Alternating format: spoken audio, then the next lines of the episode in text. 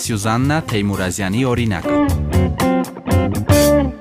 ֆիզկուլտուրայի ուսուցիչների կարիք շատ-շատ ունենք եւ ամբողջ մեր ոչ միայն Տավուշի, հա, մարզում կամ համայնքներում, այլ անգամ Երևանում մենք ունենք ֆիզկուլտուրայի ուսուցիչների կարիք եւ ես հորդորում եմ մեր բուհի ուսանողներին, որպիսի գնան եւ զբաղվեն կրթությամբ, լավ կրթություն ապահովեն մեր դպրոցներում, քանի որ ֆիզկուլտուրա առարկան երևի յուրաքանչյուր ուսուցիչ իր առարկային այդպես է վերաբերվում, բայց ես գտնում որ ֆիզկուլտուրա առարկան դա կարևորագույն առարկաներից մեկն է, որ պետք է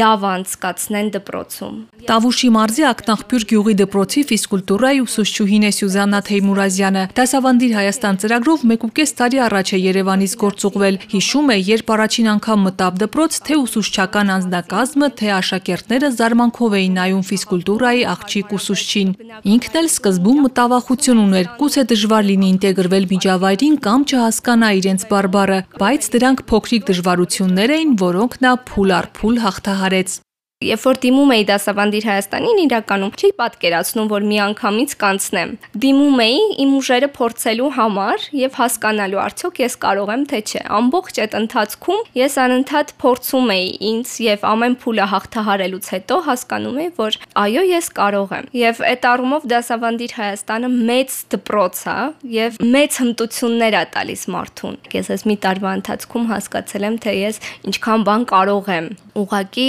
իմ ուժ ուժերը պետք է փորձեմ։ Եվ յուրաքանչյուր մարդ գլխավորը չվախենալն է, ուղակի սկսելը։ Երբ որ սկսում ես, ինքդ քեզ սկսում ես ավելի լավ ճանաչել տարբեր իրավիճակներում, տարբեր փորձություններում, մարտահրավերներին կարողանում ես հասկանալ, թե դու ինչպես ես արձագանքում եւ ինչպես կարող ես հաղթահարել։ Մասնագիտությամբ կինեզիստ է Սյուզաննան, ֆիզիկական կուլտուրայի պետական ինստիտուտն է ավարտել։ Այժմ դասավանդմանը զուգահեռ մագիստրատուրայում է ուսումը շարունակում։ Մանկավարժական առաջին փորձը նոր հնարավոր հնարավորությունների ու ինքնաբացահայտման շրջան է դարձել։ Աշխատում է չթերանալ ոչ դասավանդման եւ ոչ էլ ուսման մեջ։ Պատմում է, երբ ինքն էր դպրոցում սովորում, այդքան էլ չէր սիրում ֆիզկուլտուրա առարկան։ Հիմա, երբ ինքն է դասավանդում, փորձում է տարբեր հնարքներով հետաքրքիր անցկացնել դասերը։ Ակնախբյուրի փոքրիկ դպրոց ունի 30 աշակերտ։ Յուրաքանչյուր դասարանում 4-ից 8 երեխա է սովորում։ Դասերի ընթացքում սկզբում, հա, սեպտեմբերին, երբ որ տակ եղանակ է լինում, հիմնականում խաղեր,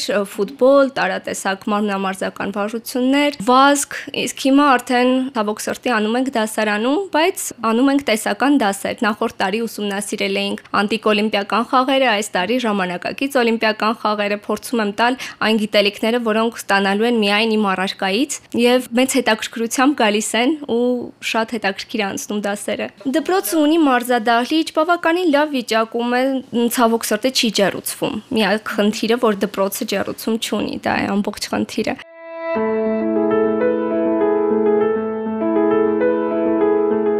Գյուղական միջավայրը մանկուց է սիրել Սյուզաննան, հատկապես մարդկանց անկեղծությունն ու բարությունն են նրան գրավել։ Սիրով հիշում է Պապիկի գյուղը Մարգահովիտը, երբ փոքր էր ուզում էր այնտեղ ապրել։ Մանկության երազանքը իրականություն դարձավ։ Ակնախբյուր համայնքի բնակիչներից մեկի տանն է ապրում, ասում է հարազատ թորնիկի պես են վերաբերվում իրեն եւ ընդհանրապես գյուղում ու դպրոցում ջերմության պակաս չի զգում։ Բոլորը սիրալիր ու հոգատար են, բայց ծրագրի ավարտից հետո պետք է վերադառնա Երևան եւ մասնագիտությամբ աշխատի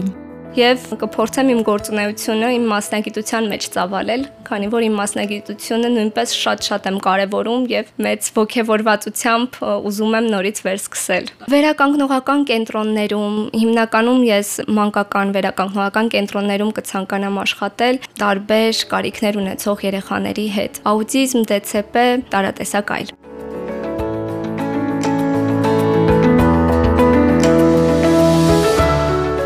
Ակնախբյուրում խմբակներ գրեթե չկան, ասում է Սյուզաննան եւ հավելում, այդ էր պատճառը, որ անցած տարվա մարտից որոշեց սպորտային բարերի խմբակ ստեղծել։ Ամռան ամիսներին շատերն էին գալիս, բայց ցավոք հիմա դահլիճը չի ջերուցվում եւ ստիպված են դադարեցնել բարի դասերը։ Ինքը սպորտային բարերի ֆեդերացիայի անդամ է եւ ուրախությամբ է նկատում։ Երեխաները ողջավորությամբ են այցելում դասերին եւ մեծ պոտենցիալ ունեն, բայց մինչեւ եղանակները կտականան, Սյուզաննան ձեռքերը ցալած չի նստի։ Հիմա էլ երեխաների համար թատերական խմբակ է բացել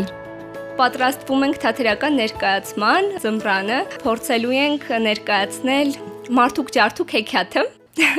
եւ երեխաները ելի մեծ ողջավորվածությամբ գալիս են։ Ես ասեմ փոքրուց դպրոցում ես ունեցել եմ այդպիսի ջիղ, ինձ բոլոր դերերը, բոլոր ամեն ինչ ինձ էին տալիս, նույնիսկ շատ ժամանակ մտածում էի բարի ուղությամբ գնամ, թե թատերականի ուղությամբ գնամ ու այնպես ստացվեց, որ հայտնվեցի ֆիզկուլտ ինստիտուտում։ Շատ պատահական ստացվեց։ Մեր խմբակի հետ կապված դրամաշնորային ծրագիր էինք գրել, հա, շահել եւ պատրաստվում ենք մարտից հետո մեր խմբակը եւ որ կգործի հաշվետու համերգ ունենալ մեծ հաշվետու համերգ տարատեսակ բարերով, միգուցե նաև արդեն կմցնենք մեր ներկայացումները եւ արդեն կամփոփենք։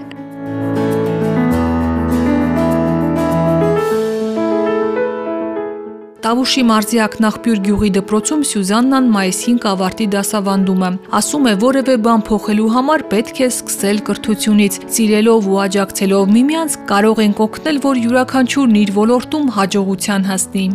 Ես ինչու դիմեցի դասավանդիր Հայաստանին, որովհետև ես հասկացա, որ պետք է սկսել ինքդ քեզնից։ Եվ երբ որ գնացի համայնք, հասկացա, թե ինչքան խնդիրներ կան, որոնց մասին մենք ուղակի տեղյակ չենք։ Ապրում ենք քաղաքում, հարմարավետ բնակավայրերում, լավ կրթություն ենք ստանում եւ անգամ չենք պատկերացնում, որ գյուղերում կարող է լինել մի դպրոց, որը ջեռուցման խնդիր կունենա, որտեղ աշակերտների թիվը այնքան քիչ կլինի, որ անգամ չեն կարողանա խաղ կազմակերպել, որ չեն ունենա դահլիճ կամ կունենան ու չի ջերուցվի։ Այդ խնդիրների մասին մենք ուղղակի չենք կարող իմանալ, ինչև չհասնենք այնտեղ։ Իսկ խնդիրները միայն բարձրաձայնելով չի, միայն իմանալով չի, նրանց լուծում է պետք տալ եւ ակնկալել, որ լուծումը կտրվի միայն ինչ որ մեկը կգա եւ քո փոխարեն կլուծի քո հարցերը, քո երկրի հարցերը եւ քո կյանքը կդարձնի ավելի լավը, այդպես չի լինում։ Ամեն մեկս պետք է աշխատենք այդ ուղությամբ։ Եվ ես շատ-շատ ուրախ եմ, որ հայտնվել եմ այդ համայնքում